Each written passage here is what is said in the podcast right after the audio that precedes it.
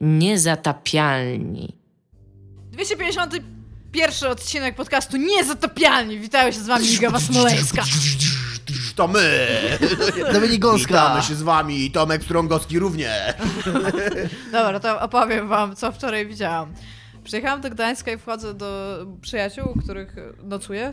Przepraszam, Dominik, że tknęłam Jak mikrofon. powiedzieć jej, mów do mikrofonu, zacznie napierdalać ten mikrofon. Dobra. A więc e, przychodzę do nich i tam na wejście, jak tylko wchodzisz, masz telewizor, tak widać po prostu w samej telewizor. I pytam się, co. Więc pomimo, mówią- że Iga gali telewizor, to nie było opcji, żeby nie obejrzeć. Nie, i oni mówią, bo oni nawet nie przyszli do drzwi, tylko otworzyli drzwi i się z- chodź siadaj, bo nie uwierzysz, nie? I tam like, i jest program, ja nie, ja nie wiem jak się ten program nazywa, bo przyszłam w trakcie jego, ale jest tak. Program ogólnie, co wam powiedziałam, w kontekście jest takim, żeby być świadomym własnego ciała i wiedzieć, jakie ma się atuty i lubić swoje własne ciało i akceptować e, wszystkie tam rzeczy, których może nie za bardzo lubimy, nie? No i tam moim zdaniem spoko. Bardzo fajnie, że coś takiego jest. I teraz jak ten program wygląda? Stoi typ, całkowicie ubrany, koło niego stoi babka, ca- całkowicie ubrana. I jest pięć babek, które są zamknięte w takich akwariach, które się świecą na różne kolory. I e, przez to typ mówi o tych babkach per czerwona, niebieska, zielona, pomarańczowa i tam jakaś jeszcze, nie pamiętam, fioletowa, różowa, tam cokolwiek. I teraz tak, te akwaria są zasłonięte i potem... Żeby ich nie uprzedmiotawiać, ponieważ kolory to nie przedmioty. Tak. Więc i teraz, i teraz słuchajcie, i teraz Fair, tak, fair. ta kurtyna jakby idzie tak trochę do góry i są pokazane nogi. No i ten typ się wypowiada, no, że tam ma tam takie nogi, a tam ta druga babka się go pyta, a czy ty lubisz, jak babka, nie wiem, ma grube uda? I typ mówi, no tam niespecjalnie, nie, na przykład, nie? No i tak o tym gadają. No i potem jest tak trochę wyżej, no i tam już widzisz cycki i one są centralnie gołe, nie? Więc wszystko To tam polska generalnie. telewizja? E, nie, to było, jak, znaczy, nie pamiętam na jakim to było. Było, było tłumaczone po polsku. Nie, to jest e, chyba Wielka Brytania, bo tam oni potem mówią. No dobra, razy. cycki, dalej. No i tam cycki, tam tyłki pokazywali. W pewnym momencie w ogóle pokazywali tyłki. To laska stała tyłem, no ale było widać raczej. jej wargi sromowe z przodu, znaczy od tyłu jakby. Więc oni się tak schylają jak do konia, jakby oceniali tam, rozumiesz, Wow. tam kurde, nie wiem, mechanikę samochodu i babka się go pyta, ta, która jest prowadząca, tam z nim stoi, czy lubisz takie tam e, wargi sromowe, jak tak wyglądają? On tak się patrzy, tak się przygląda. Nie, nie przeszkadzają mi, nie przeszkadzają mi. Ja sobie siedzę i taki, Jesus Christ, a tam w ogóle godzina 20, tam druga z hakiem, nie? Ale tam spoko. No, no i typ... Pięciolatki jeszcze oglądają telewizję. Jo, i typ, o, i tak, i w trakcie tego, kiedy widać dopiero tak jakby od obojczyka w dół, te babki gołe, to typ musi jakoś odrzucić. No i tam odrzuca jedno, no i tam mówi, że dobra, tam zielona, tam out, nie? No i ona w tym momencie e, jakby widać jej twarz, Czekaj, wychodzi... czekaj, jak, to- jak to jest wtedy mówię? No to akceptuj swoje ciało i tak dalej, ale bez przesady. Tak? No trochę tak, Nie nie, pewne no- standardy. No. Ten typ mówi, tylko Ale że... z tymi wargami słowo mi to przesadziłaś, co nie? Ale typ na przykład mówi coś takiego, że e, tam e, stoi tam na samym, właśnie na tym samym środku i ta babka przychodzi do niego tam naga, tam przytulają się w ogóle na cześć i na pa, ale tam spoko. No i typ coś tam e, mówi, e, znaczy oni mówią o tej babce bez jej udziału. Ona się tylko przedstawia, na przykład właśnie mówi, że to jest tam kelnerka z Lancaster na przykład, nie? Albo coś takiego. No, no i, e, i ta babka, ta prowadząca się go pyta, gdzie ona już stoi obok, tam ta, ta, ta kelnerka. No, co ci się w niej nie podoba? Ja mówi, no, jakbym miał wybrać coś tam i tłumaczy, co mu się tam nie podoba, ale mówi na przykład taki, takie rzeczy, że kiedy widziałem, jak stoisz, to wydawało mi się, że ten twój, e, e, twoja pozycja ciała nie jest śmiała, więc wydaje mi się, że może być nieśmiała, stąd dlatego cię odrzuciłem, nie? I była, było, czy były cztery babki na samym końcu i jedna z nich była modelką. Ona centralnie zajmowała, była modelką. Reszta to były tam normalne babki. R- różny typ ciała, tam coś ktoś może lubić, coś nie. Ale ta laska to była taka po prostu z żurnala, no. Taka szczupła w ogóle, do, dosyć umięśniona, tam w ogóle żadnych tam... No rozumiemy. Ani tam pryszczy, ani nic takiego na twarzy. I w Rozumiemy. pewnym momencie podchodzą już tam do góry, więc widzisz ich twarze. No i on mówi, że no już jest dosyć trudno, jak teraz spojrzałem im w oczy, ale cały czas mówi do, o nich per tam czerwona, niebieska i coś tam i w końcu została ta modelka i jakaś tam taka babka, która w ogóle miała chyba gram pikata wytatuowana na, na nodze i mówi, że no ona bardzo lubi swoje nogi, dlatego teraz e, ozdabia je sztuką, czy coś takiego i tak like, okej. No i on wybrał tą modelkę, nie? Ale zanim on wybrał tą modelkę, to on się musi rozebrać przed tymi dwoma laskami, więc on przyszedł cały goły teraz i pierwsze pytanie tej Pindolem normalnie tak, na zewnątrz? Tak, i pierwsze pytanie tej prowadzącej. I co myślicie o jego penisie? I one się tak patrzą. I jedna mówi, e, wydaje mi się, że jest adekwatny, czy coś takiego, a druga mówi, jest okej. I koniec rozmowy na temat. No to co, co się wam e, w nim podoba? No, a typ w ogóle tak, kaloryfer, tam w ogóle taki raczej umięśniony, tam e, tatuaże, no i jedna mówi, e, no mi się podoba to, że e, i tam nie pamiętam, że jest sympatyczny, czy coś takiego, a druga mówi, ma fajny brzuch, lubię jak typ ma sześciopak, nie? No i no dobra, to kogo wybierasz? I wybrał modelkę. I potem idą na randkę i są ubrani i on pierwsza rzecz, której do niej mówi, to w ubraniach też wyglądasz dobrze.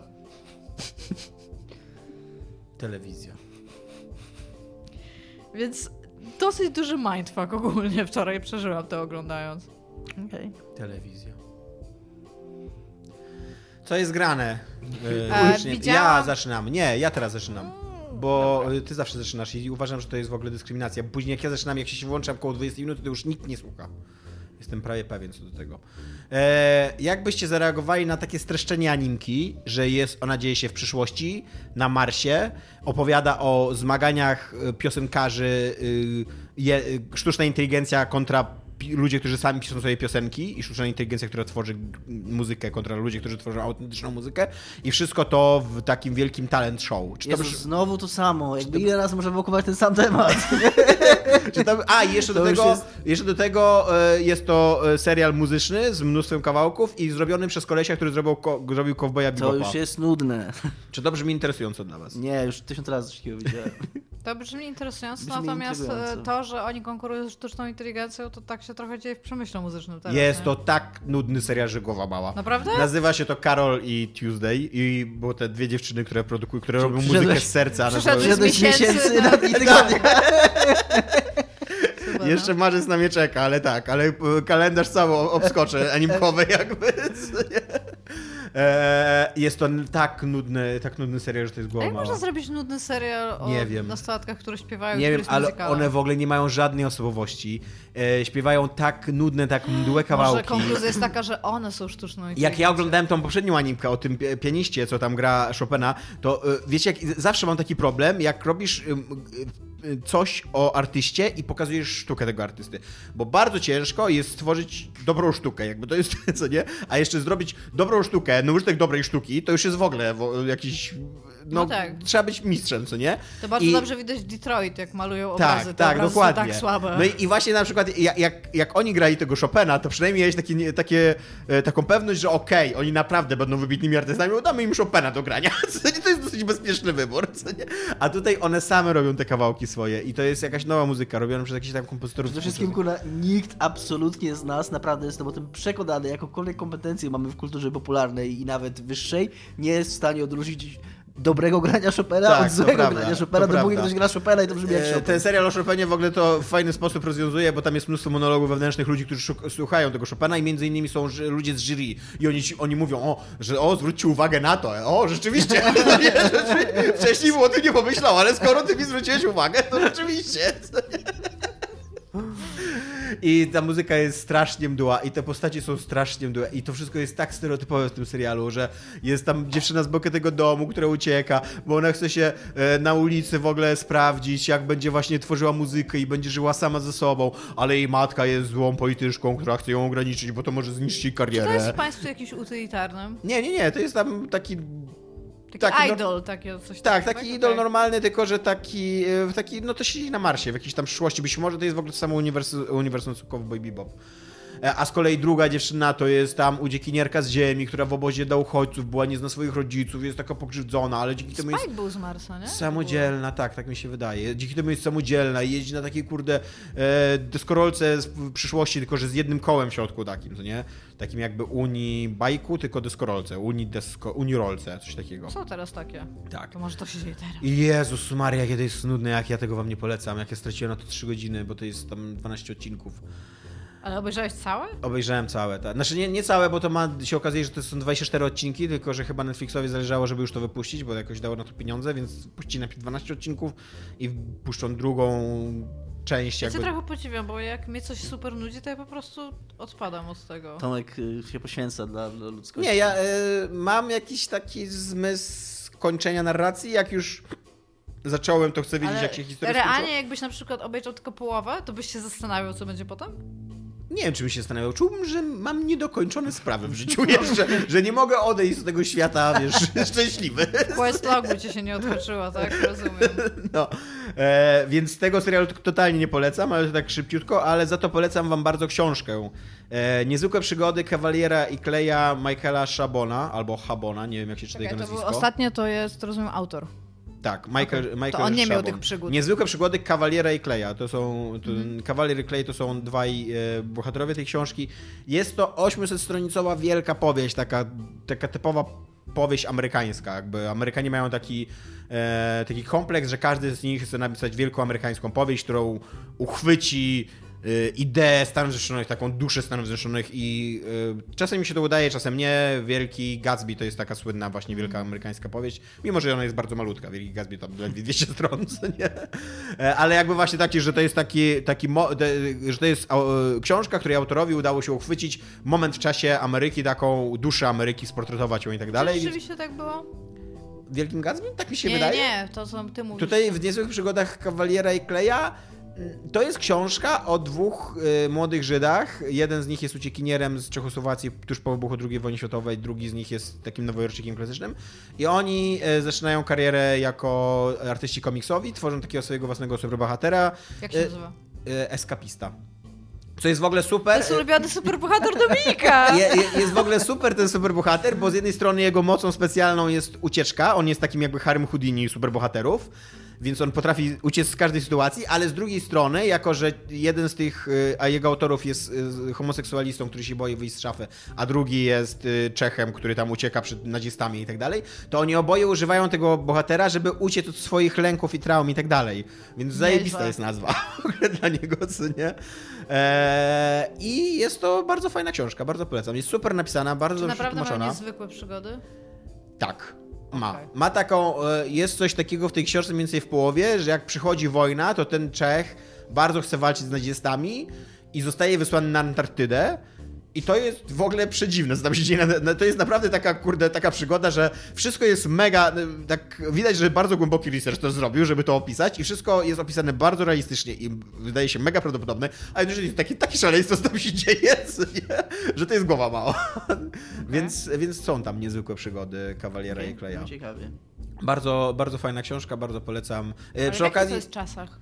E, no zaczyna się mniej więcej w 37, 38. E, nie, A, no przepraszam. powiedziałeś, przepraszam, zaczyna, zaczyna się w 39, e, mniej więcej w październiku, bo oni tworzą tą postać już jak wybucha wojna w Europie. Bo on, Mhm. on już jest, on już jest, ten kawalier już musiał uciekać z Czech, zostawia za sobą rodzinę i jakby tworzy tego super eskapistą. Babu, badabang. no tak, tak. To, to jakby motyw tej ucieczki, e, takiej właśnie takiej w stylu Harry'ego Houdiniego, ale przy okazji też ucieczki od życia i ucieczki od problemów i tak dalej, jest bardzo fajnie eksplorowany w tej, e, w tej książce. Brzmi Bardzo, super. bardzo fajnie pokazywany. Jest też super postać e, kobieca, która e, e, jest taką bardzo ekspresyjną artystką, która mm, później zostaje zatrudniona do drobienia takich, tworzenia takich podłych romansideł komiksowych, ale super jest opisany, jak ona to robi. I są bardzo w ogóle bardzo fajne takie rozdziały, bo to jest powieść realistyczna, ale co jakiś czas są takie czysto fantazy rozdziały, jak jest na przykład opisany origin jakiejś postaci. I on jest tak opisany totalnie jakby taka fikcja komiksowa, tylko jakby to prze- przenieść na, Na literaturę. e, na literaturę, co nie? Więc te rozdziały są ba- bardzo super i książka jest super przetłumaczona przez Piotra Tarczyńskiego. Jest naprawdę bardzo dobre tłumaczenie i chciałbym je tutaj pochwalić w tym miejscu. Więc jeżeli szukacie powieści o komiksach, e, z całą masą takich postaci historycznych w tle, bo tam się pojawia i Stan Lee, i e, twórcy Supermana, i twórca Kapitana Ameryki i tak dalej, i jako takie postaci epizodyczne zupełnie. I mnóstwo jest takich zabawy z nazwiskami, że tam posterunkowy nazywa się tak jak e, Liber, czyli że tak jak prawdziwe nazwisko Stana Lee, albo że tam sprzedawca w okolicznej wiosce, wiosce się nazywa Spiegelman, czyli tam jak twórca Mausa, no to to jest powieść dla was i bardzo ją polecam. I przy okazji to jest książka, która przypomina mi, za co jestem jej szczególnie wdzięczny, o co chodzi w superbohaterstwie. Że y, takie czasy, takie naiwne czasy, kiedy to były autentycznie historie o y, superbohaterach, którzy bronili słabszych w imię, kurde, dobrej sprawiedliwości. Kiedy to nie był jeszcze wielki biznes, kiedy to nie było jeszcze e, takie cyniczne, takie, wiesz, takie... Ta, no, przy, No i też takie meta też już. tak, takie meta i tak dalej, tylko taką, taką prawdziwą, naiwną, chłopięcą e, pasję do tworzenia właśnie przygód, w których oni się czują bezpiecznie i w których mogą uciec od takiego świata, który, wiesz, który ich nie akceptuje i który nie pozwala im być takimi, jakimi są. Więc tak, więc to jest książka, którą... Teraz będę ja, Iga będzie na końcu tym razem, bo już kurna dosyć tego tłamszenia nas przez te baby. Yy, wróćmy, przywróćmy wiarę w prawdziwy... Dobra, nieważne, nie, nie będę szedł ten, ten żart, ale yy, ja szybko też będę popkulturowo bardziej szerzej, a nie o gierczkach, bo obejrzałem, skończyłem wczoraj serial Szpieg, a właściwie The Spy się nazywa, bo nam... Z Saszą Baronem Cohenem. Tak, z Saszą Baronem Cohenem. E, Jest to serial Netflixa. Znaczy to jest jakaś francuska produkcja, w którą Netflix jest jakoś tam zaangażowany. Znaczy ogólnie jest to przez Francuzów robiony serial, ale po angielsku jest całościowo. Ja nie jestem fanem Saszy Barona Cohena. Czy to jest o Mossadzie serial? Tak, to jest, już, już mówię o czym jest. Nie jestem fanem Saszy Barona Cohena, znaczy znam, nawet nie jest tak, że jestem jego przeciwnikiem, po prostu nie jestem jego fanem. Widziałem tylko Borata, nie podobał mi się i jakby nie, nie szedłem w tego pana dalej, natomiast to, co się podkreśla tutaj, że to jest taka zupełnie inna rola dla niego niż zwykła, bo jest rola dramatyczna, zupełnie na serio, tam nie ma żadnych śmieszków, nic takiego. Jest to historia Eliego Cohena, swoją drogą to samo nazwisko, nie wiem, czy to jest jakaś, y, y, jakieś rodzinne powiązania są. Jest to w latach 60., to jest y, Izraelczyk, a właściwie on był urodzony w Libanie, no ale był obywatelem Izraela i on e, został wysłany do, jakby zgłosił się do, sam do Mossadu jako na ochotnika i został wysłany do Syrii i tam dobre 5-6 lat w latach 60. E, e, e, prowadził życie jako biznesmen, bardzo wpływowy biznesmen, który miał powiązania z najważniejszymi osobami w Syrii e, i jednocześnie był szp- szpiegował dla Izraela. I, I jest to podobno z tego, co tam trochę później czytałem, dosyć, e, dosyć wiarygodne, znaczy dosyć autentycznie to wszystko pokazane i też człowiek, który robił ten serial, pan Graf, to jest ten, też, on jest też Izraelczykiem jest człowiekiem, który zrobił wcześniej serial Prisoner of War, czyli izraelski serial, na podstawie którego później powstało Homeland, w sensie Homeland amerykańskie. Straciłem Tomka. Kolejna gra, w którą będzie grał Tomek, jeżeli wyjdzie gra Homeland. Homeland amerykańskie jest e, adaptacją izraelskiego Tak. Prisoner of War i to jest ten izraelski serial zrobił ten sam reżyser, który teraz zrobił właśnie to The Spy. Więc jakby, no on jest dosyć mocno w tą, w tą całą tematykę, on mówi, że całe życie tym, że jakby biografia tego Eliego Cohena i historia jego życia towarzyszyła mu jakby od najmłodszych lat, więc to jest coś, o czym zawsze chciał opowiedzieć. On też mówił, że rozmawiał z żoną jego e, i, i dziećmi, jeszcze żyjącymi. Yy, Więc jakby dosyć, dosyć, wnikliwie do tego tematu. Po coś chociaż oczywiście też przyznaję, że tam pewne y, uproszczenia czy pewne rzeczy dla efektu dramatycznego wprowadza. I, i jak pisałem Tymkowi wczoraj, Nie wydaje mi się, żeby on był spokrewniony, bo Google nie wyrzuca Okej. odpowiedzi takiej, No możliwe, że że, tak. możliwe, że to przypadkowa, przypadkowa zbieżność nazwisk. Znaczy najprawdopodobniej, no tak. E, Jest to serial, o którym przeczytałem wcześniej, że on jest dosyć nudny i się z tym zgadzam. Znaczy on ma takie dosyć nud- nudne momenty. Ale czy on jest taki nudny w dobrym znaczeniu opowieści szpiegowskich, że tam często się nic nie dzieje, ale jest napięcie? Nie, I... on jest po prostu dosyć, on jest po prostu czasami, on jest po prostu nudny. E, on jest dosyć mocno obyczajowy, znaczy dosyć mocno jest, co, to co mi się w nim bardzo podoba, że on od początku bardzo niejednoznacznie e, przedstawia postać tego Eliego, bo ten Eli, on tutaj widać, że on to z takich bardzo ambicjonalnych pobudek się zgłasza do tego Masadu, z bardzo ambicjonalnych pobudek on robi dużo więcej niż jest od niego oczekiwane, że jakby on cały czas ma coś do udowodnienia i ma taką potrzebę, potrzebę bycia najlepszym, potrzebę e, udowadniania cały czas, że, że, że, że jest wartościowy, że coś robi dobrego, że oni mówią tak jak w prawdziwej historii, bo tego to nie jest powiedziane w serialu, ale później to czytałem, że tak naprawdę on miał tam pojechać tylko czytać gazety. I e, oni tylko po tego tak naprawdę chcieli. Że on tam miał czytać lokalne gazety syryjskie i przekazywać to, co te gazety piszą do Izraela, że to by już im wystarczyło.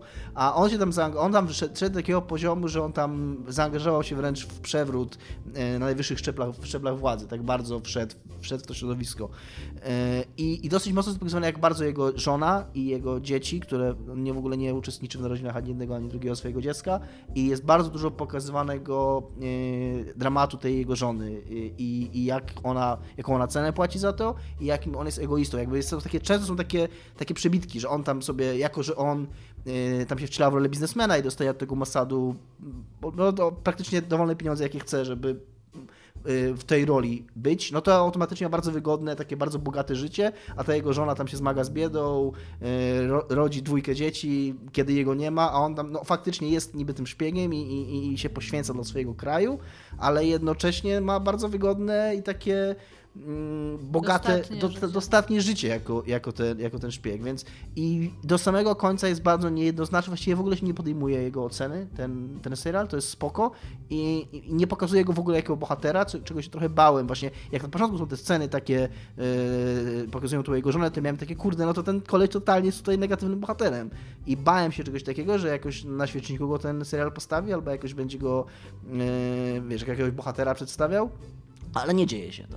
Jest taki, jakby pozostawia to widzowi i tak dosyć niejednoznacznie tą postać yy, przedstawia i bardzo dobrze jest zagrany. Znaczy ten Sasha Baron Cohen tam robi robotę, naprawdę. I tak yy, jakby, i nawet Jeżeli... jest odcinków? Sześć odcinków to jest. To jest miniserial, yy, się zamyka, jest cała historia, więc to też jest spoko. To jakby to pozwala też jakoś znieść te momenty, kiedy on jest nudniejszy, bo jakby wiesz, że to zmierza do czegoś, tak? Wiesz, że że okej, jakby z jakiegoś powodu pokazują to teraz w ten sposób czy w inny, ale, ale jest to takie dosyć zwięzłe. Jest to sześć odcinków i też fajne jest to, że one się nie ciągną. Znaczy każdy odcinek jest na jakiś konkretny temat. Tutaj go szkolą, tutaj on najpierw jeszcze jest jakiś czas, bo oni go najpierw wysyłają do Buenos Aires, bo mówią, że to był taki typowy, typowa droga dla, dla, dla imigrantów y, do Syrii, że tam robili jakieś interesy w y, e, tym, w, w Buenos Aires, tam kogoś poznawali, później przyjeżdżali, emi- emigrowali do Syrii. Jakby taką samą drogę dla niego robią, żeby jak najbardziej uwiarygodnić jego jako, jako postać. I on tam żyje w tej Syrii no z 5 czy 6 lat.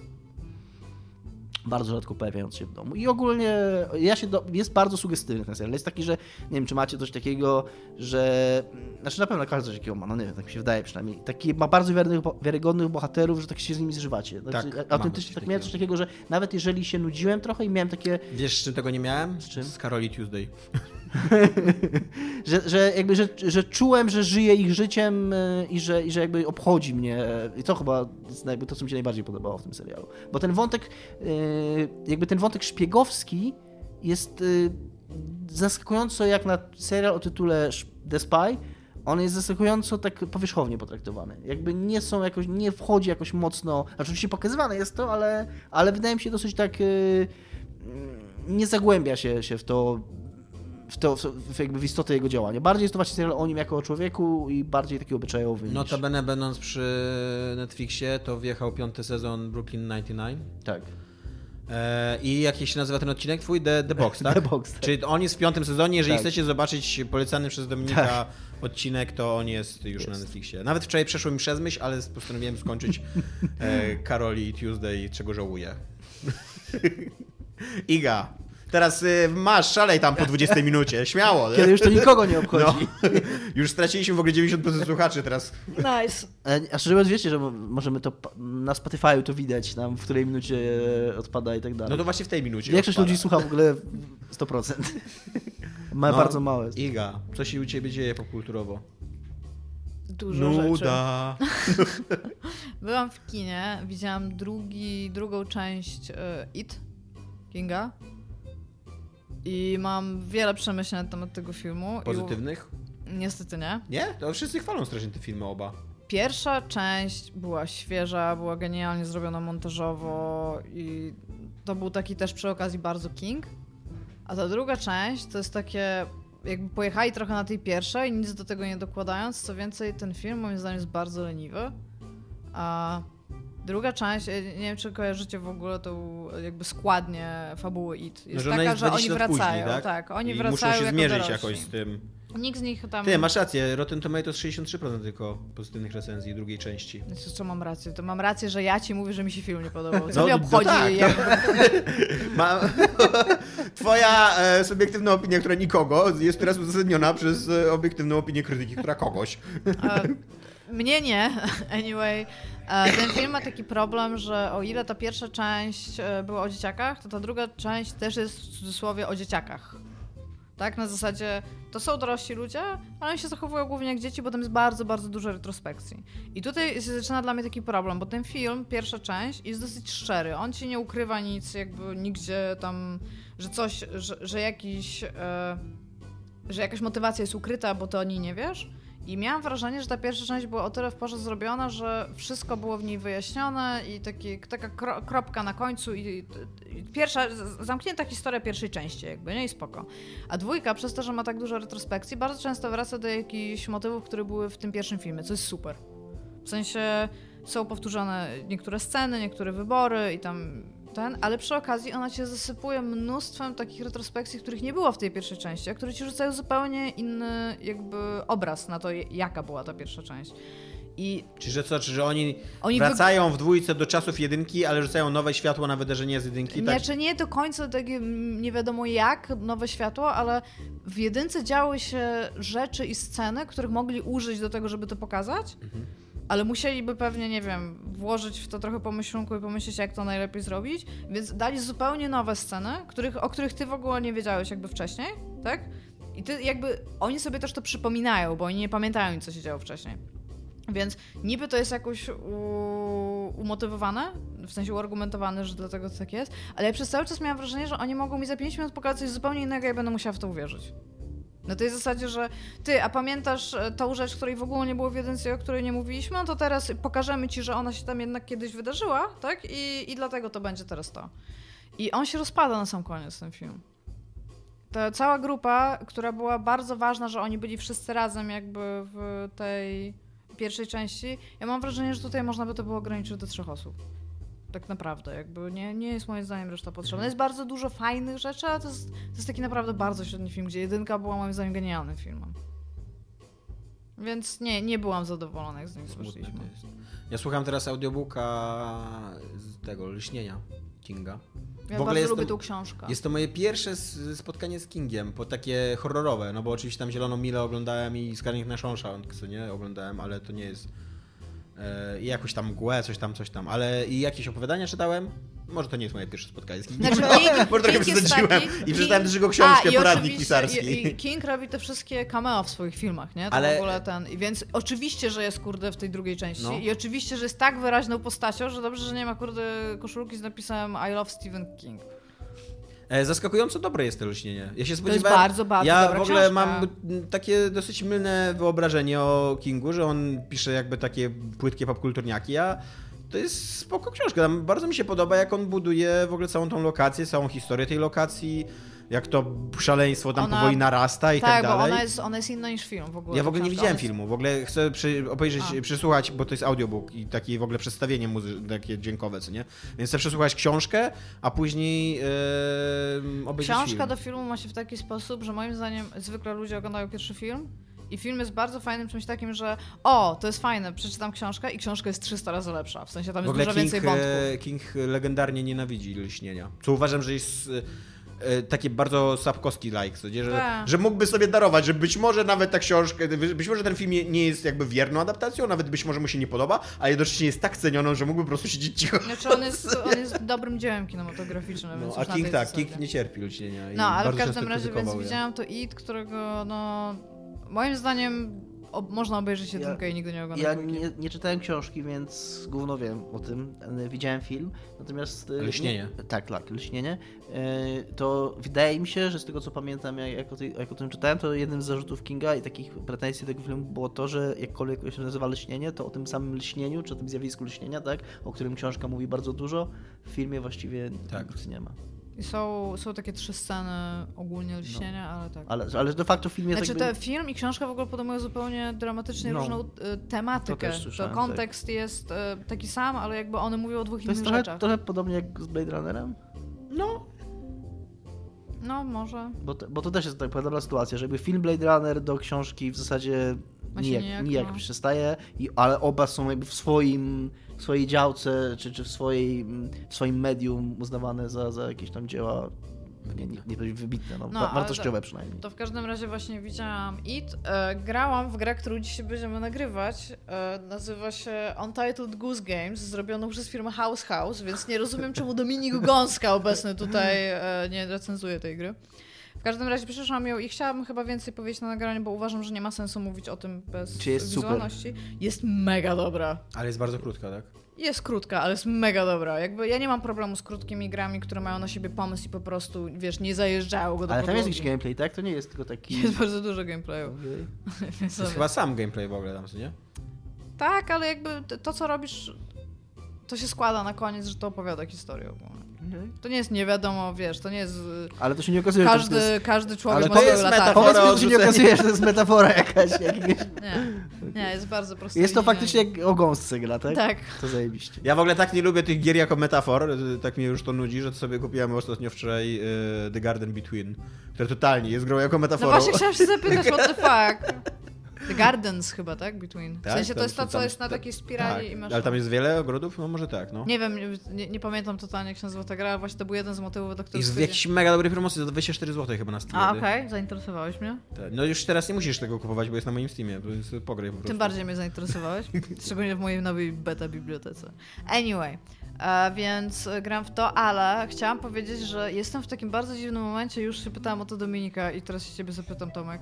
Masz czasami tak, że grasz w jakąś grę i jako, że lubisz mieć poczucie zamknięcia i wiesz, że już jesteś prawie przy końcówce, to już ją kończysz, ale to jest takie, że cały czas przewracasz oczami, żeby już szybciej jeżeli byś miał... ja skończyłem Preya, ale... No właśnie, bo ja jestem właśnie w tym momencie w preju i Boże. zrobiłam jedną rzecz, gdzie jeszcze dałam tej grze taką, bo ja się w niej bawię dużo lepiej niż na samym początku jakby, nie? W tym momencie. Ale ja zrobiłam coś, ja chciałam, ja chciałam naprawdę dać tej grze jeszcze szansę, bo znalazłam to miejsce, gdzie są typi, tam jest dużo żywych typów Mhm.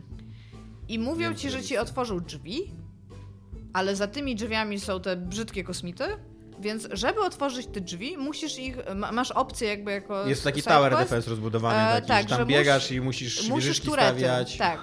I ja stwierdziłam, że ta gra jest zrobiona w taki, a nie inny sposób, więc może być tak, że ja tutaj znoszę te trzy turety, a wejdzie ten jakiś wielki tam zły, którego wcześniej nie widziałam i zrobi haps i nikogo nie będzie. Więc sobie zrobiłam tych turetów chyba z osiem.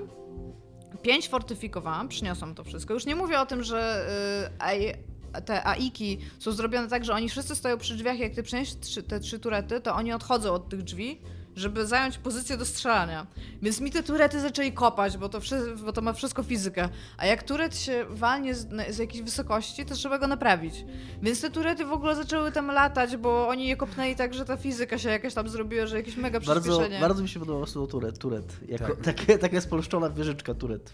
Turet. No, no i te turety zaczęły tam w ogóle tam, więc ja jeszcze ponaprawiałam, a nie miałam tych części zamiennych, więc Właśnie tam ja myślałem, jeszcze... że Iga zapomniała tego słowa, chciałem posunąć tak cicho, żeby już wieżyczki. Ale nie, a, a, wieżyczki. a mi się faktycznie nie, Turet. już nie podoba turet. Te turety tam. Anyway, no i e, w ogóle dowiedziałam się, to, co uważam za bardzo fajną rzecz, jak fortyfikujesz turet, to on ci mówi thank you. Nie wiem, czy skumałeś, że on ci dziękuję za to, Ja nie pamiętam takich szczegółów z tej gry. No, ale w każdym Ale razie... pamiętam, ale słuchaj, daj jak byłem zirytowany na koniec tej Daj gry. mi powiedzieć do końca. I wzięłam i babka mi mówi, dobra, masz te 8 turetów, tamten, i stwierdziłam, że ja wiem, jak działają enemies, w sensie tej AI, i jeżeli ktoś z tych typów do nich strzeli, to oni podejdą i ich zabiją, bo oni idą do tego, co do ciebie strzela w tym momencie danym. Mhm. Więc wzięłam takie wielkie szafy, bo tam już mam ten leverage 3, wzięłam wielkie szafy i postawiłam przed tymi typami, żeby oni po prostu fizycznie nie mogli do nich strzelić. Przez co ci typi, bo jak ich potrącisz czymś, to oni mówią, że tam oh, very funny, nie? Albo coś takiego, więc jeszcze dostałam opierdzie, że to robię. No i babka mi mówi, e, dobra, to otwieramy drzwi. Otworzyła drzwi i te, te, te kosmity to nawet kroku nie zrobiły, po prostu takich zmasakrowali. Nic z nich nie zostało, kurde, po 30 sekundach, nie? I ja podchodzę do tej babki, bo jest tam talk to Sara i ona, uff, ledwo daliśmy radę. I tak, ta gra nawet jest na tyle leniwa, że nie wzięli pod uwagę faktu, że masz gameplay, który jest, na który nie trzeba narracyjnie reagować z emocją. To jest taki po prostu one on one, kurde, w pisaniu gier. Jak się bawisz? Nie bawię się za dobrze, no. Chcę ją skończyć. Ja pamiętam, e, przypomniałaś mi, jak, jak ja byłem zirytowany, jak ja już na końcu po prostu biegałem po tej bazie, w tej i we w te, bo tam cały czas musisz na różnych końcach tej bazy załatwiać sprawy. I, I tam w ogóle olewałem wszystkie te, te Oni w pewnym momencie za, zamykają tą bazę, potem Tak. musisz do niej wrócić, do środka. I to już Tak, jest a to latanie po kosmosie jest tak źle zrobione, tak mechanicznie, tak niewygodnie jest się lata dosyć, no. na maksa. No. no. Ale ja ci mówię, że w porównaniu do pierwszych 6 godzin, które oceniam jako jedne z najbardziej tragicznych momentów gier AAA, oprócz tego tam title screen and shit, to- pierwsze 6 godzin są po prostu mega nudne.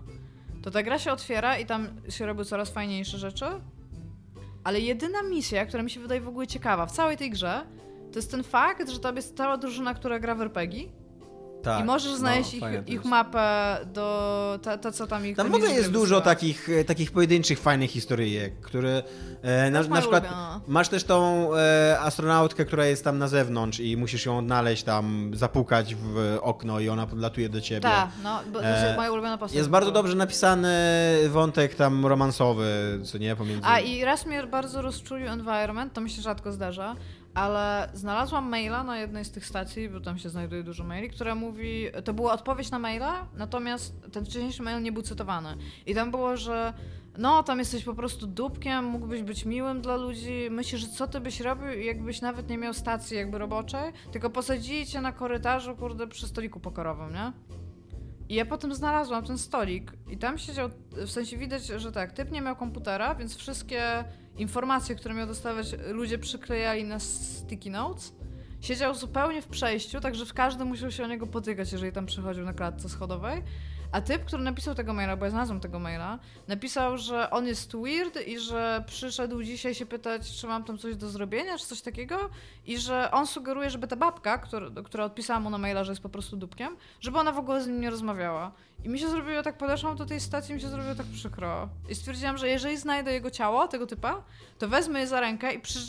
w ogóle wciągnę je do środka stacji i dam mu najlepszą stację ever. I zbezczeszczę jeszcze. Więc tak. A nie bawię się za dobrze. Chciałam już skończyć tą grę, natomiast bawiłam się w nią dużo gorzej. Teraz przez to, bo to jest taki y, syndrom sztokholmski. Gram Tak. w nią, chcę ją skończyć, więc ja sobie znajduję elementy, w których ja się bawię lepiej. Natomiast nie jest Czeka się na końcu jeszcze walka bardzo irytująca z wielkim złym obcym. Trochę się domyślałam. Walki są super w tej grze. Myślałam troszeczkę- Jak wychodzi koszmar, to co robisz? To walczysz z nim, czy chowasz się w Jeszcze, pokoju? ja w ogóle cztery razy nawet nie zauważyłam, że on był. Miałam To tylko też prawda, napisane, a ja chodziłam i sobie robiłam inne rzeczy i po, widziałam tylko, bo on jest zaznaczony wtedy, że on wchodzi w jakąś ścianę i nie może do mnie przejść Tak, to się chyba. A ja na przykład też często się zamykałem w pokoju i czekałem aż ten licznik czasu w ogóle minie. Na przykład szedłem sobie herbatę zrobić. Ja tak On mijał i okej, mógł grać dalej. Nie, koszmar się skończył. Ledwo daliśmy radę. Ale tak ogólnie to tak, walka też ma, ma, ma, bardzo, ma bardzo dużo problemów ta gra. I jestem trochę zła, bo widać, że oni chcieli zrobić coś w tej grze ja nie rozumiem, co tam poszło nie tak, ale coś bardzo poszło nie tak.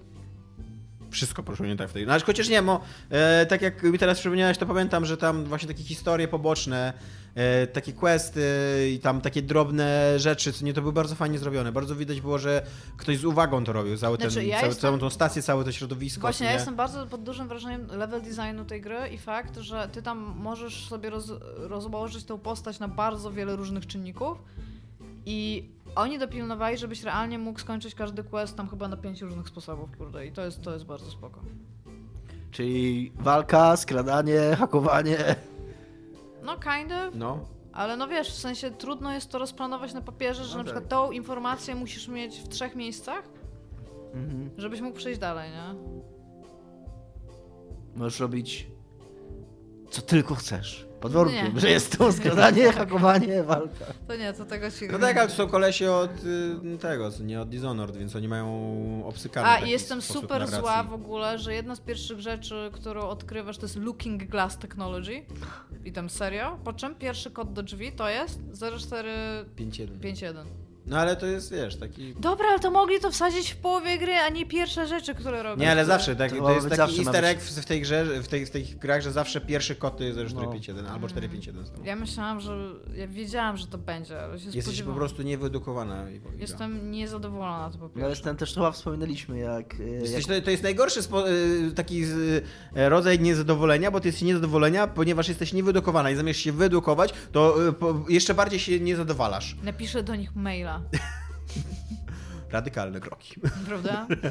Dobra, go. Coś chciałeś powiedzieć? Że, no jest, ale to wspominaliśmy już na tą historię, jak nam Warren Spector chyba rekrutował kogoś do... Daj, wszedł i kliknął. I miał, kod. dał komuś do, ten, do pokoju, pokazał mu tam, wejdź do tego pokoju, a ten ty wpisał 0451, gdzie się otworzył i Jan Spector pokiwał głową i powiedział, że tak, wiedziałem, że to jest nasz człowiek wtedy.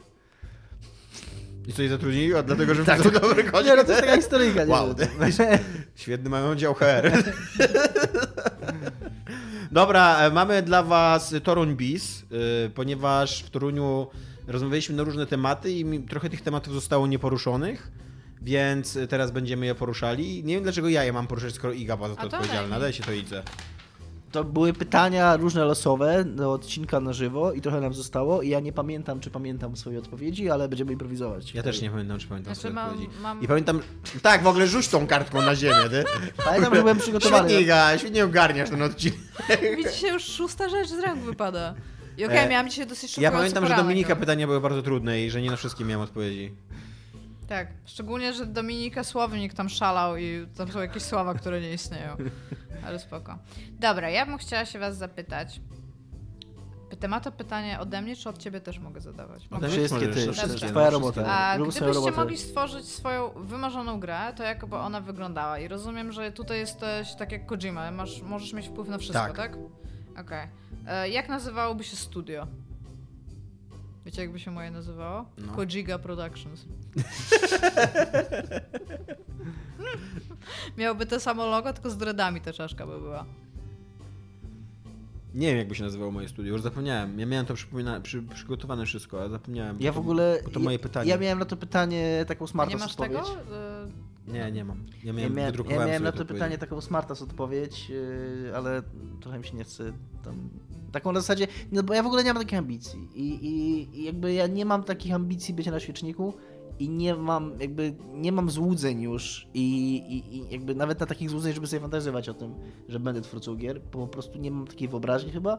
Jakby ilekroć próbowałem coś wymyślić sam, yy, to zawsze wpadam w jakieś takie naśladownictwo albo w kopiowanie wiesz, czegoś, co ktoś inny już zrobił. Wymyśliłeś Albo... fantastyczny podcast, który od 10 lat jest wielkim sukcesem. Tak, ale chodzi mi o, o tworzenie gier. Yy, że, że. Znaczy, że mój podcast też był po prostu naśladowanie czegoś, ale nieważne, nie o to chodzi. Chodzi mi o samo, o samo tworzenie gier, że, że ilekroć tak myślę sobie, że chciałbym robić, że co by było, jakbym robił gry, albo jakie miałem. Albo właśnie kiedy nawet takie coś się pojawia. Takie mamy, wiesz, wymyśl sobie, gdybyś mógł zrobić jakąkolwiek grę, to jaka gra by to była. No to mój umysł automatycznie biegnie w kierunku po prostu jakiejś gry, w którą ostatnio grałem, lub jakiejś swojej ulubionej gry. I uważam, że to jest wtórne i nieciekawe. I więc, a moja smarta odpowiedź była coś takiego w rodzaju, że o, zrobił na całym swoje domek studios i mi się wcześniej, wcześniej podpisywał i zrobił grę AAA o strzelaniu do ludzi, żeby być bogaty. Ha, ha. Czy coś takiego. No ale no nie mam. Przy, Mi przykro to było mi. super słabe, to nawet nie było w ogóle w jakikolwiek sposób No smart. to było takie, to było takie as głupie, to było bardziej, takie, tak. takie, takie właśnie, nie pamiętam, ale w tym rodzaju miałem Ja odpowiedź. no bo- wymyśliłam do tego w ogóle dwa, dwa rodzaje odpowiedzi, bo jedna była trollerska, a druga była prawdziwa. No i No. tam troller, bo tutaj potem są takie, to ja może No przeczytaj wszystkie kategorie. E, jaki kaliber studia? I tu jest e, indie, triple I, triple A, solo. Jaki gatunek gry, o czym gra, co chcielibyście powiedzieć z jej pomocą i czy pracowanie w giereczkach zmieniło wasze patrzenie na gry wideo? I moją taką trollerską odpowiedzią było to, że ja bym chciała zrobić romance novel o fighting game. W sensie, że to jest romance novel, gdzie masz normalnie tam dating and shit, ale to jest fighting game. I tam masz taki raster, jak masz normalnie fighting games, czyli tam jeden, przynajmniej jeden niedźwiedź, albo tam jakieś zwierzę, jakiś tam, wiesz, wielki kosmita i tam taki full, full tam japoński ten i to ma pokazać, że miłość zawsze zwycięża nienawiść i ostatnia boss fight w rasterze takiej tam drabinki, czy tam wieży Mortal Kombat jest taki, że po prostu nie walczysz. Czyli to wszystko było metafora, tak? Tak. I to bym bardzo chciała pokazać. A tak naprawdę, jakbym mogła stworzyć grę, to mega bardzo chciałabym stworzyć, no obviously horror, ale o zagadnieniach e, takiego horroru jakby współczesnego, czyli wszystkich rzeczy nie nadnaturalnych, tych rzeczy, których się boimy, tylko nawet nie takich tam politycznych, bo cały czas media w nas karmią strach, tylko takich rzeczy, które są stuprocentowo logiczne i najprawdopodobniej się zdarzą, czyli problemy neurologiczne na przykład, które mogą nas dotknąć, albo nowotwory. I w to bym bardzo zainwestowała. No, bardzo bym chciała zainwestować w coś takiego i pokazać taki jakby współczesny, prawdziwy horror. Mam na to bardzo dużo rozpisanych design doków, tylko ja, tak jak powiedział Dominik, ja nie jestem w stanie ta- ogarnąć wszystkiego. Ja potrzebuję ludzi, którzy są w czymś dobrzy, którzy mi na przykład powiedzą, to nie będzie działało, trzeba to zmienić na to i na to, nie? A nie przechodzić przez jakiś research and development trzyletnie phase. Ja teraz jak Iga to powiedziała, to pomyślałem sobie, jak może odwrócić to pytanie, tak żebym miał na nie odpowiedź i faktycznie y, odpowiem na nie na takiej zasadzie, w jaką grę chciałbym zagrać. Y, chciałbym zagrać w y, grę survivalową, bo mnie pociąga jakby sama idea survivalu w grze, na przykład bardzo lubiłem ten tryb w Falloutie New Vegas hardkorowy, gdzie tam trzeba było jeść, pić, czy tam spać i tak dalej. I amunicja ważyła. takie rzeczy mnie pociągają w grach, natomiast nigdy nie grałem w taką grę, która byłaby jednocześnie fan i która byłaby takim, która nie, nie byłby tylko taki drobny dodatek, tak jak w Falloutie New Vegas, tylko gra, która byłaby survivalem, ale nie byłaby horrorem, nie byłaby straszna i która byłaby fan. Więc coś takiego bym chciał zagrać i jakbym miał zrobić grę... Tony Hawk's Pro Skater, musisz się zatrzymywać i czasami coś zjeść. Na przykład, no. Batonika, tak? Mega. Otarłem się o śmierć. Ja bym chciał, nie wiem jak bym chciał nazwać e, studio, ale najprawdopodobniej jakimś nawiązaniem komiksowym. E, a chciałbym, żeby to było studio wielkości Supergiant Games, czyli Comics tam Games. 8-10 osób. E, ponieważ bardzo sobie cenię współpracę z ludźmi i taką. mm, Jest potrzebna w ogóle... Tak, takie zderzanie się pomysłów i takie Mhm. to, co Dominik mówił o pracy redakcji w Toruniu, że, że, to, że to było takie dobre właśnie, że się tam porównywało swoje nawzajem pomysły. Penisy. Co? Penisy. Halo, Randy Pitchford? To jak patrzę na mnie takim rozczarowaniem. AK-47 Tak. w Afganistanie jak brzmiało. Nie, ja bym chciała jakiś e, ten laserową broń, żebyś poudawał. Z, z AK będę miał problem, laserowa broń jest łatwo. To jest dobre budowanie broni. E, I chciałbym, żeby to była tak, taki, ale jednocześnie tak jak kiedyś już to mówiłem, wydaje mi się, że bardzo sobie cenię w tworzeniu czegoś taką sprawczość, poczucie sprawczości. Bardzo nie chciałbym być trybikiem w machinie. Na przykład jak widzę tam napisy końcowe Call of Duty i to często mam tak, że sobie zadaję pytanie, czy ci ludzie w ogóle się czują autorami tej gry? Czy czują, że to jest ich? Czy... A tak samo nie chciałbym, żeby to była gra robiona na zlecenie, taka, że ktoś ci mówi i te- wtedy nawet możesz mieć mały zespół, a i tak to nie jest twoja gra. Spec Opsy były grą na zlecenie, nie? Tak, ale jednocześnie jakoś udało im się... No właśnie, być może być robisz grę na zlecenie, która jest 11 w serii, ale jesteś kurde... Być może istnieje taka ścieżka jakby, żeby, żeby wywalczyć się, wiesz, wybić się na jakąś niepodległość, pomimo, że robisz coś na zlecenie i w dużym teamie, co nie? Ale wydaje mi się, że to jest dużo trudniejsze w Tak. ogóle niż...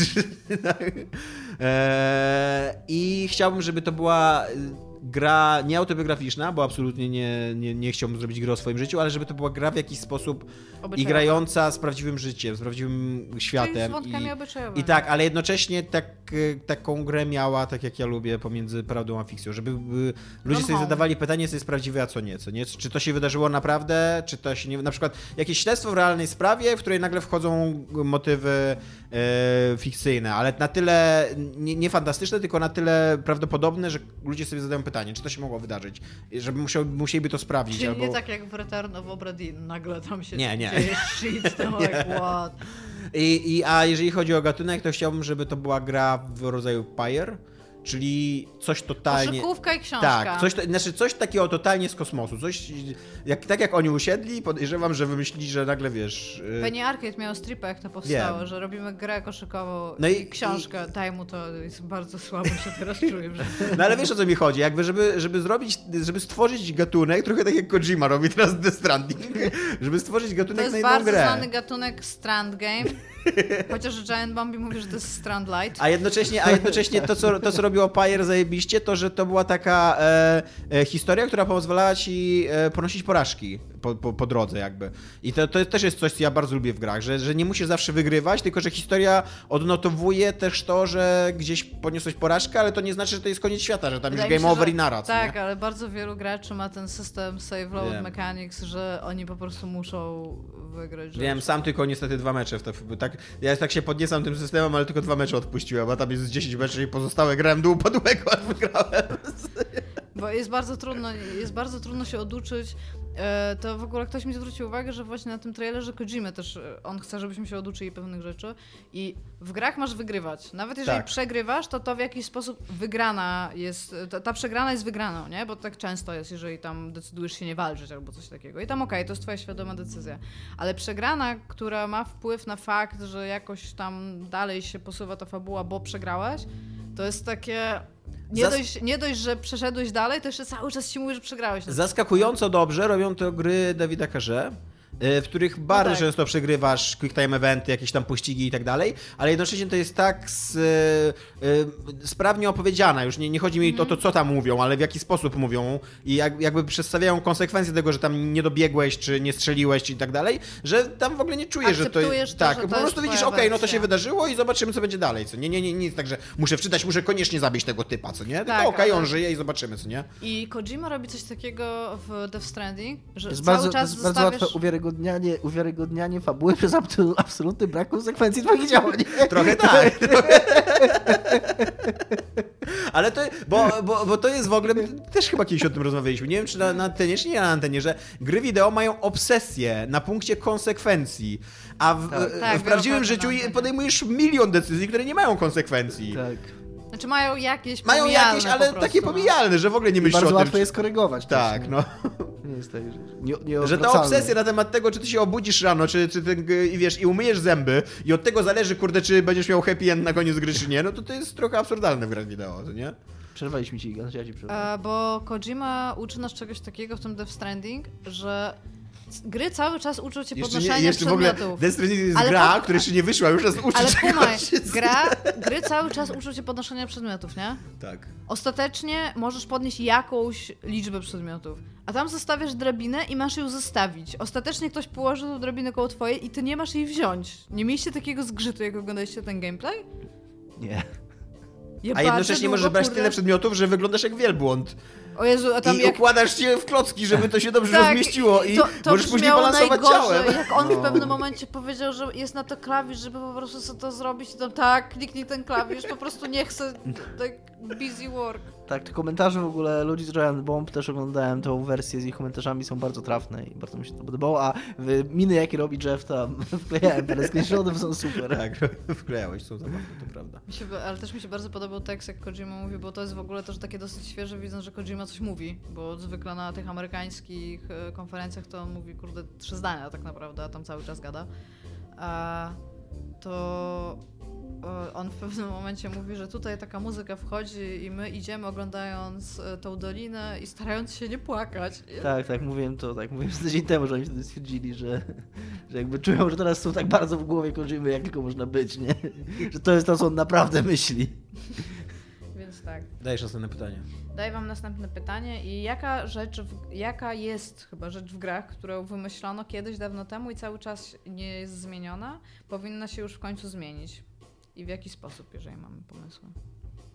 To jest Dominika pytanie, tak? Tak. E, ja miałem na to pytanie odpowiedź i to jest ssanie kciukach w, w FPS-ach. Uważam, że to jest... I krwawiące oczy. E, tak, i krwawiące oczy. Uważam, że to jest dosyć ślepa uliczka w ewolucji FPS-ów i że po to, co później zrobiły i Wolfenstein, i Doom, i cała masa innych gier, i to, i to jak Half-Life 2 na przykład rozwiązuje problem e, regeneracji zdrowia i tak dalej, że to udowadnia, że, że jakby rozmieszczenie dobra apteczek, albo mm, dobra mechanika znajdywania zdrowia, albo właśnie danie ci jakiegoś kostiumu, który musisz tam Szczególnie, że od reperować. tego zaczynaliśmy, Że nie? to jest, że, tak, że to jest fajna, dodatkowa warstwa w gameplayu, z której dosyć bezsensownie zrezygnowaliśmy, a do tego jeszcze pozwoliliśmy, żeby ona absolutnie zdominowała gatunek i jakby no nie, nie, nie ma już dzisiaj jakby odejścia od niej trochę, co nie?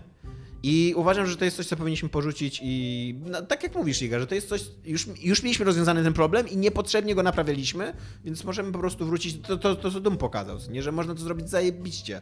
I można to zrobić w taki sposób, że to w ogóle e, sprawia, że gameplay jest jeszcze bardziej intensywny, że fokusuje cię na, na, na, na dokładnie taką rozgrywkę, na jaką chciałeś, żeby twórcy, znaczy jak, jak twórcy chcieli, żeby, była, żeby ta gra wyglądała i że ta gra jest jeszcze lepsza, jeszcze fajniejsza. Ale można też zrobić tak jak w Wolfensteinie 2, że przebiegasz przez apteczkę, a tam ten aktywny boks jest taki mały, że w ogóle jej nie bierzesz i za chwilę umierasz i zastanawiasz, co się wydarzyło. Również ta, tak to można zrobić. Ja powiedziała, że elementy skradania. Całość. Nie, nie ma. Tak realnie to okej, są te skradanki, gdzie jak się skradasz i ktoś się e, wykryje, to jeszcze możesz jakby skorygować ten swój błąd, że to się stało. I tam spoko. Ale są te zero-jedynkowe, gdzie jak cię wykryją, to jest koniec. Musisz zaczynać i to nie ma, nie, to jest po prostu Znaczy, nowotwór na zdrowie nie lubi, ale ty nie lubisz całej fantazji, tak? Jakby cała, cała... Ja nie kupuję gier, żeby w nie nie grać, tak. Znaczy nie no, no bo Ale w nie się gra Iga. jest są ludzie, ja to lubię, tą taką, takie poczucie, nie wiem, bycia tym asasynem, którego nikt nie zauważy, tak? Który wykona... Widziałem jak grałeś w Assassina 2, ty Dominik, ty totalnie nie jesteś takim asasynem, ty, ty tam wszyscy widzą, ty tam robisz rzeź w ogóle na wygranie, w ogóle. Jesteś takim asasynem jak taki kurde kulawy kot, co to próbuje się skradać, spada z dachu, to przez jest- przypadek przygnił takiego Po co człowieka, nam skalpel, stając... skoro mamy siekierę? To jest, bo to jak ludzie patrzą, to jest inaczej. Ale ja rozumiem, Dominika ja też lubię. Znaczy lubię taką, bo to jest takie, to jest takie gładkie, jak e, takie smooth, co nie? Jak grasz i ci dobrze idzie.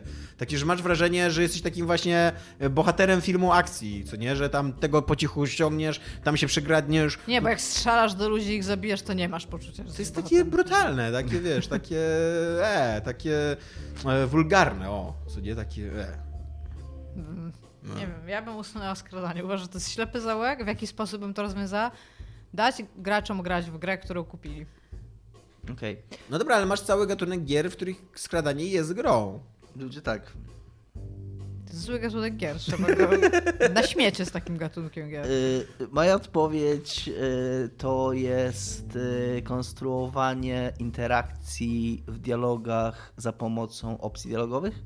To jest coś, co istnieje w grach w zasadzie od samego początku, jak istnieją gry w jakikolwiek sposób narracyjne, czyli od pierwszych przygodówek, że po prostu jak twoja postać ma y, udzielić wypowiedzi, to znaczy w sensie ma się wypowiedzieć, to po prostu wybierasz z listy tam pięć zdań, które, które twoja postać wypowie i, i później i, i to ewoluuje cały czas, to się zmienia, to teraz nie wybieramy zdań, tylko wybieramy ton albo wybieramy coś tam, ale to mi się wydaje, że to jest ciągle trochę ten sam pomysł i on czasami działa właśnie tak jak w Oxenfree, jak zagraj w końcu, albo jak w After Party.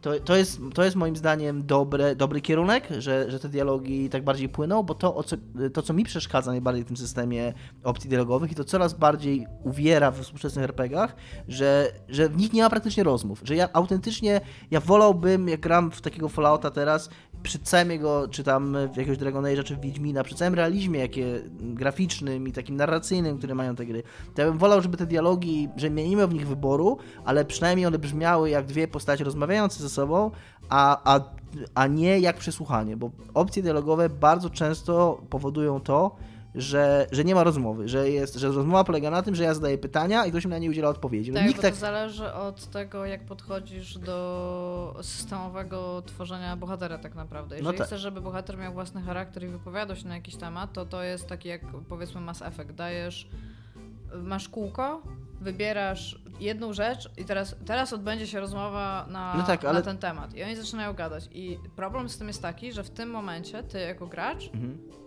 To jest twój jedyny wybór jakby, nie?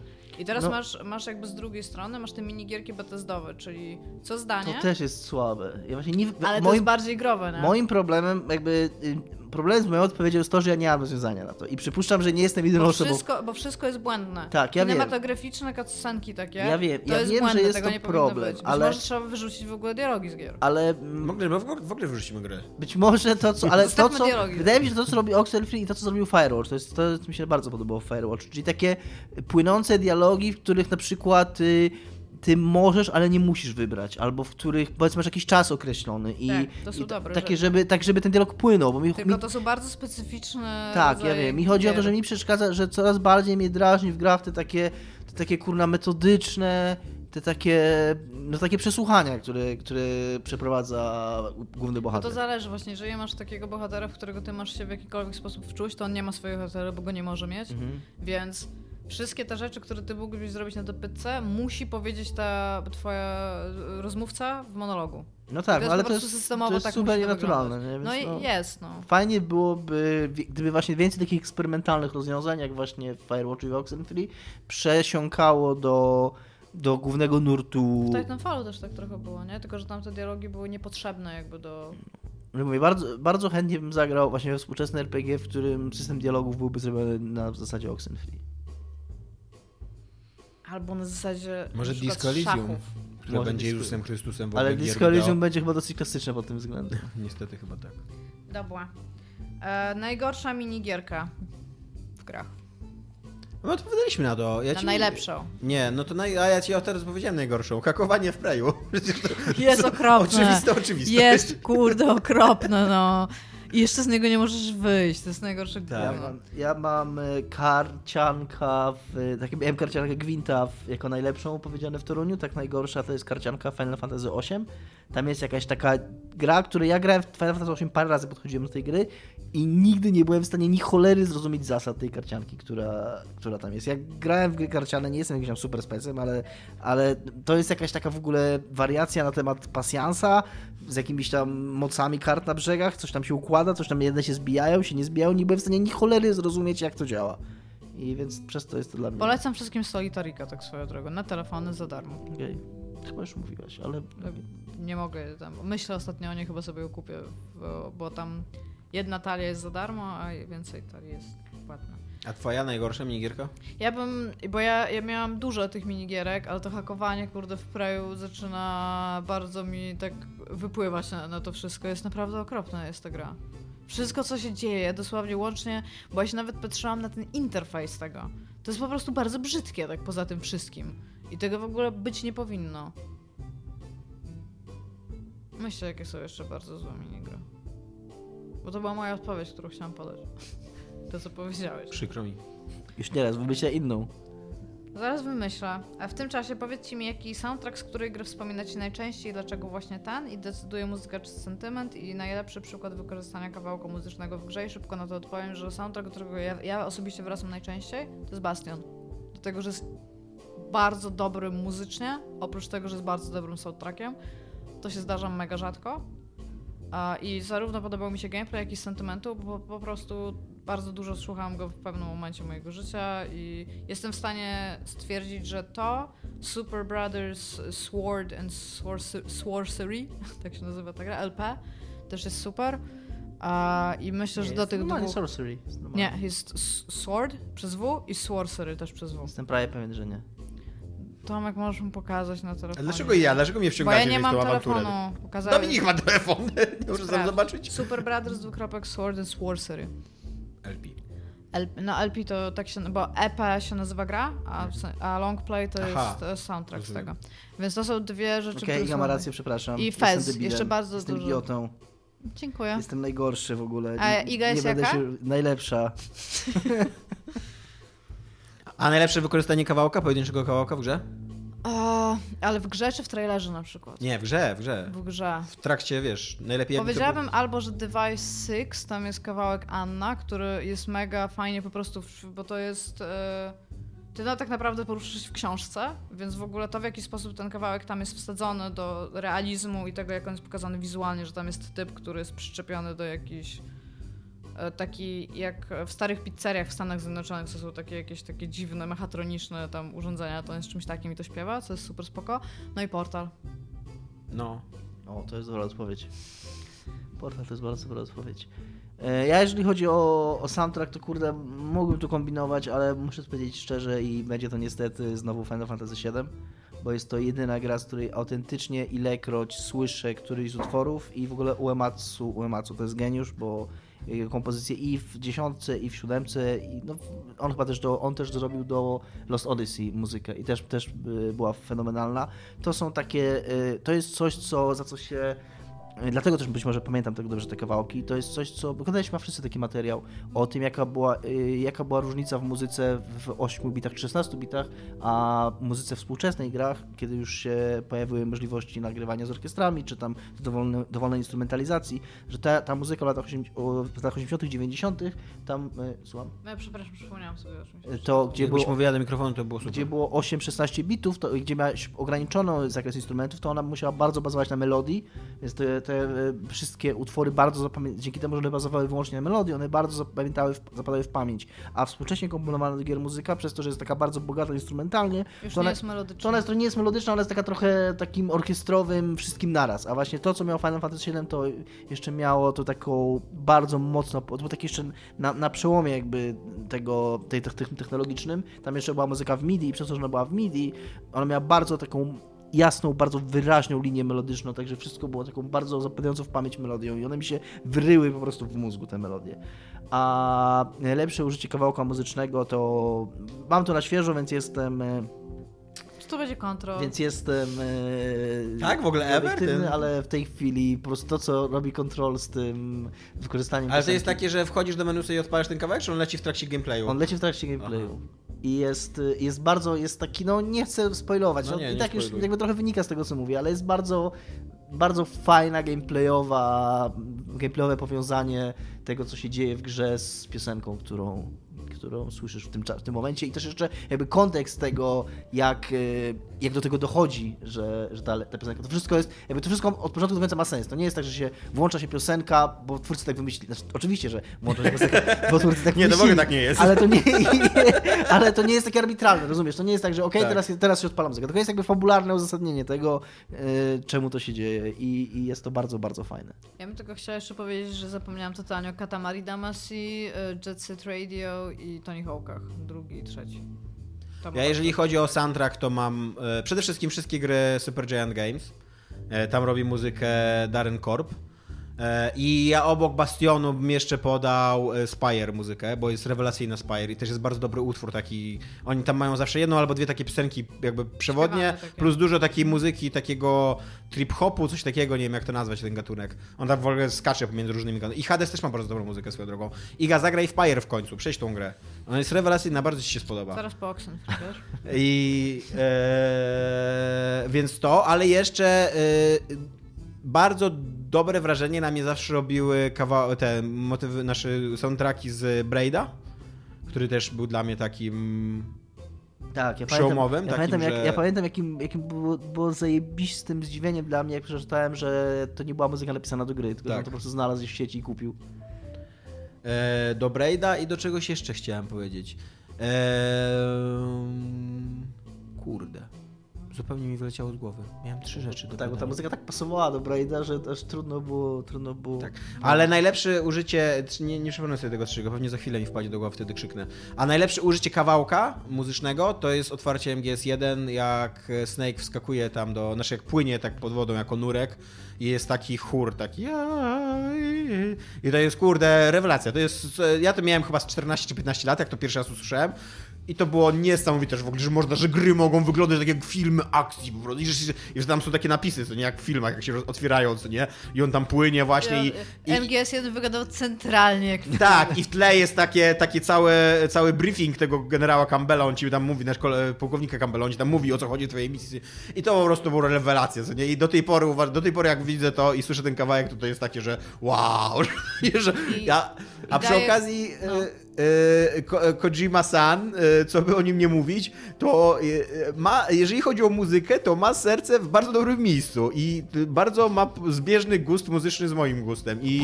A, a dobra, nie? Naprawdę, kurde, jeżeli chodzi, y, mnóstwo mam do niego zastrzeżeń, ale soundtrack, kurde, Dominik sam, y, soundtrack y, MGS-a 5. Wiesz, to jest Dominik San? Nie, Dominik sam powiedz mi chodziło o to.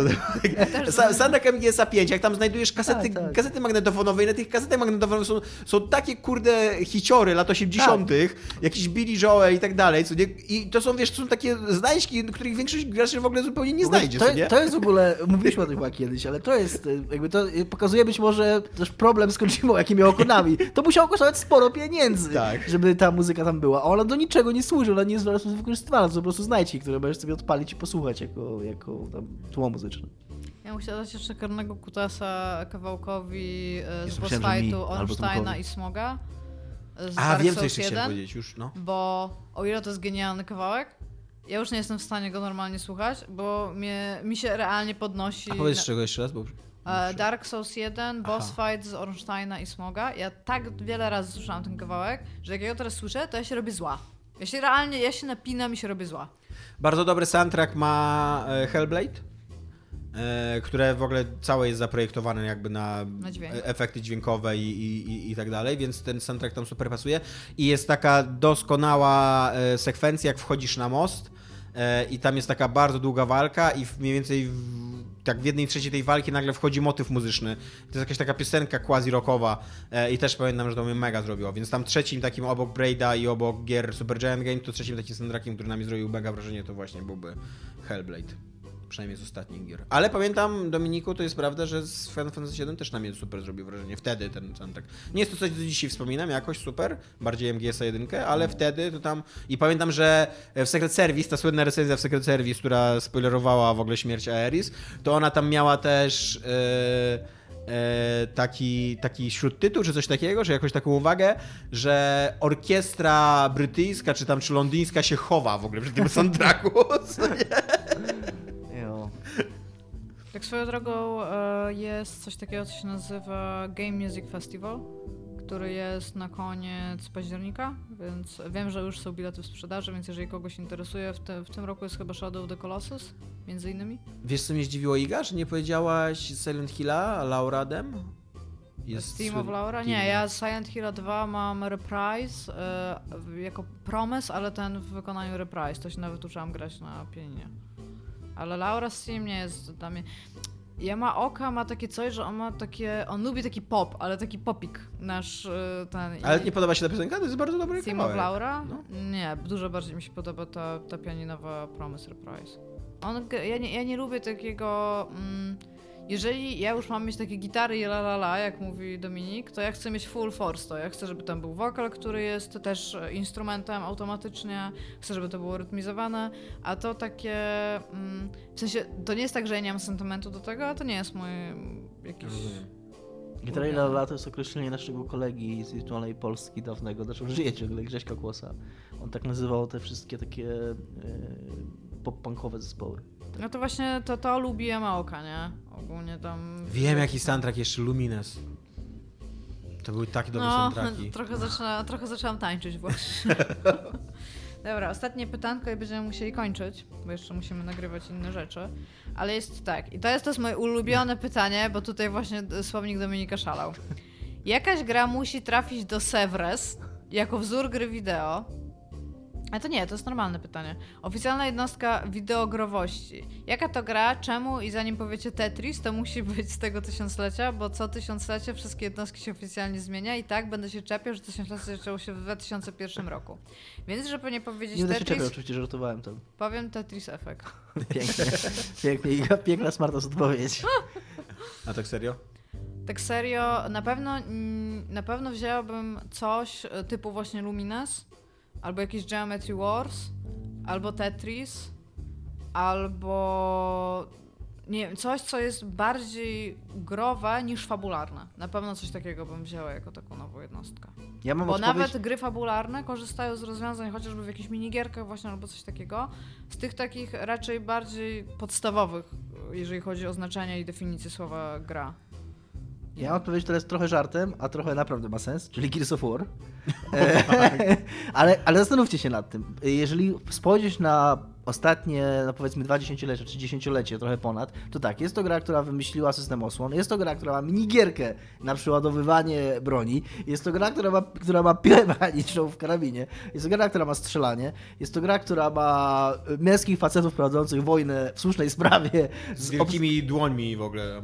Jakby gigantycznymi, nie jeżeli, nieproporcjonalnymi. jeżeli spojrzysz na takie stereotypowe patrzenie, jakby ilekroć, ja mam coś takiego, że ilekroć jest y, y, w jakimś filmie amerykańskim, trzeba pokazać nastolatków grających w grę, to nie grają albo w Halo, albo w Gears of War, albo coś, co wygląda jak Gears of War. Nie bez powodu. Po prostu Gears of War to jest coś, co jak człowiek myśli, taki statystyczny, statystyczny Polak myśli gra wideo, to widzi Gears of War. Widzi facetów z bronią strzelających do obcych, y, którzy wyskoczyli z Albo dziury. FIFA. Albo FIFA, no tak. FIFA Albo to- Wiedźmin, statystyczny Polak. Ale Gears of War to jest moja odpowiedź z tych powodów. Sapkowski na pewno nie musi Moja odpowiedź to jest... E... Skupiłem się. Na jakie pytanie odpowiadam? Jaką grę byś podał jako wzór gro growości? Lumines. Gone Home. W ogóle I, nie. No jak nie? E, e, ten cały environmental storytelling. No może tak. No. I to ja... W nie jak... ma gry w tej grze Ale właśnie jest, mało. Znaczy, Ja jest, już Jesus. Gears- Bo ja już- wracamy do dyskusji, czy jest gra. znaczy nie no, ja Nie, ale chodzi mi o to, że jeżeli miałabym podawać coś, co będzie przez to, z tego No, kontekstu będzie sposób w jaki coś, opowiada się gra, Gone Home, w sposób w jaki Gone Home opowiada się historię za pomocą środowiska. ale wiesz o co mi chodzi? Ale to jest moje sposób pytanie. połączy... No właśnie, nie, nie, nie, nie wiedziałem, że muszę jeżeli, wiedzieć, o co tobie chodzi w jeżeli tym przez pytaniu. ten pryzmat, jeżeli przez ten pryzmat mielibyśmy dalej oceniać grę, to linia pomiędzy na przykład grą, jeżeli to by było Gone Home, to by był ten pryzmat, ja bym zrobił jakieś wirtualne doświadczenie zwiedzania muzeum, tak? To, to jest gra teraz? Znaczy, ja, to uwielbiam, ja gra? uwielbiam Gone Home i uważam, że jest to zajebista gra i jest to jak najbardziej gra, ale nie wiem czy Nie tak... podałam jako przykład. No nie, no ale ja, sposób, w jaki tam jest opowiadana historia za pomocą środowiska to i jak prawda. często to jest wykorzystywane Jest to i jak prawda, te, że- jakiego mistrzostwa to zostało Jest to wypowiedziane. prawda, że, że ludzie nie, jakby nie doceniają tego, Tak. jak, jak mocno ta gra jakby była takim... Ja nie chcę powiedzieć, że ona to wymyśliła, bo ona tego nie wymyśliła. We wszystkich immersive simach to teraz to jest y, chleb powszedni, co nie? No i nie tylko. I, i że jakby, no... To co, to co Znaczy, mówiłeś ja rozumiem- w poprzednim odcinku, rozumiem, czy w tym odcinku, nie jestem pewien, bo już nam się myli wszystko, ale... To o, o, o, tym, o tym typie, co tam, kurde, siedział przy tym stoliku i wiesz, i nie miał Tak. komputera i tak dalej. No to, no to, to, je- to jest Ja właśnie... nie myślę, wiecie, to w, czasami. go, w Gone Home masz jakby, to jest 11 na 10 tu zrobione wszystko, No nie? tak, tak, ja się, ja się z tym zgadzam. Ja wciąż uważam, że to jest genialna gra, ale dla mnie, jeżeli byśmy coś mieli gdzieś postawić, zamknąć słoiczek i powiedzieć, to jest gra, ludzie patrzcie po Kobieta tłumaczy facetom w ogóle świat, w ogóle do czego to doszło? Woman's planning. No, woman's planning, no. Dała Gears of War. W ogóle Gears of War, totalnie. Przechodzę, przechodzę na prawo i w ogóle staję się, kurde, Domaszem Igorem Strągowskim, bo prawicowi publicyści zawsze mają drugie Ja imię. nie chcę, ja nie Tak? chcę przejść, ja nie chcę, nie chcę stawać przeciwko Home i to jeszcze z Gearsami. w dziwnym miejscu się znalazłem, ale uważam, że Gearsy mają strzelanie, mają minigierkę, mają karabiny, No, piły. spoko, spoko. Możesz, możesz ten swój testosteron, To jest testosteronową dla- fantazję to jest- przeciwko wrażliwemu dziełu e, o dyskryminowanej mniejszości postawić. Chciałbym, chciałbym, chciałbym żyć w świecie, kiedy Ale Gone Home jest y, wzorem gry wideo, ale... Co byś jeszcze Return- mogła wsadzić? No i powiedz, co byś jeszcze mogła wsadzić. Return of the Obra Dinn. Return of the Obra Dinn, żaden Tak. jego element nie działa w jakimkolwiek innym medium Jest to fajny niż, niż jako gra. Jest to fajny, fajny Ale tam przykład, też się nie ale sorry, ale The Gears of War nie startuje nawet ten przykład, ten, ten pomysł. Gears of War to jest nasza gra... Nie, chodzi mi, że znajduje jako, I jakąś również, rzecz, e, czy która- Return of the Obra Dinn powstałoby, gdyby nie y, całe to wszystko, co się wydarzyło w environmental storytellingu i Gone Home jest y, jakby szczytem kultur- tego wszystkiego. Kulturowo najprawdopodobniej nie, a z drugiej strony to jest Pope, więc pewnie tak. Czyli papież, mówiąc po polsku. Nie, bo jest po prostu Wsadź tak. Ale o co mi chodzi, to znajdując e, rzecz tak, tak dobrego kalibru jak Gone Home, ale która ma, która jest tylko i wyłącznie możliwa w osiągnięciu w tym medium, to jest właśnie Return Dobra. of the Obra Dinn. A propos kalibru, Tomek ma jeszcze komentarz i kończymy. Tak, Tomek ma jeszcze komentarz. E, Cudowna sekcja, komentarzy. Ale to już jest komentarz, na który my już odpowiadamy, bo tak, domagam się, Dominiku daje broń, y, stało, by Dominik udało, udaje broń, stało się regularnym kącikiem I podcastu. najwyraźniej Dobra, już się stało. Stało się. To cześć. Cześć. Pa.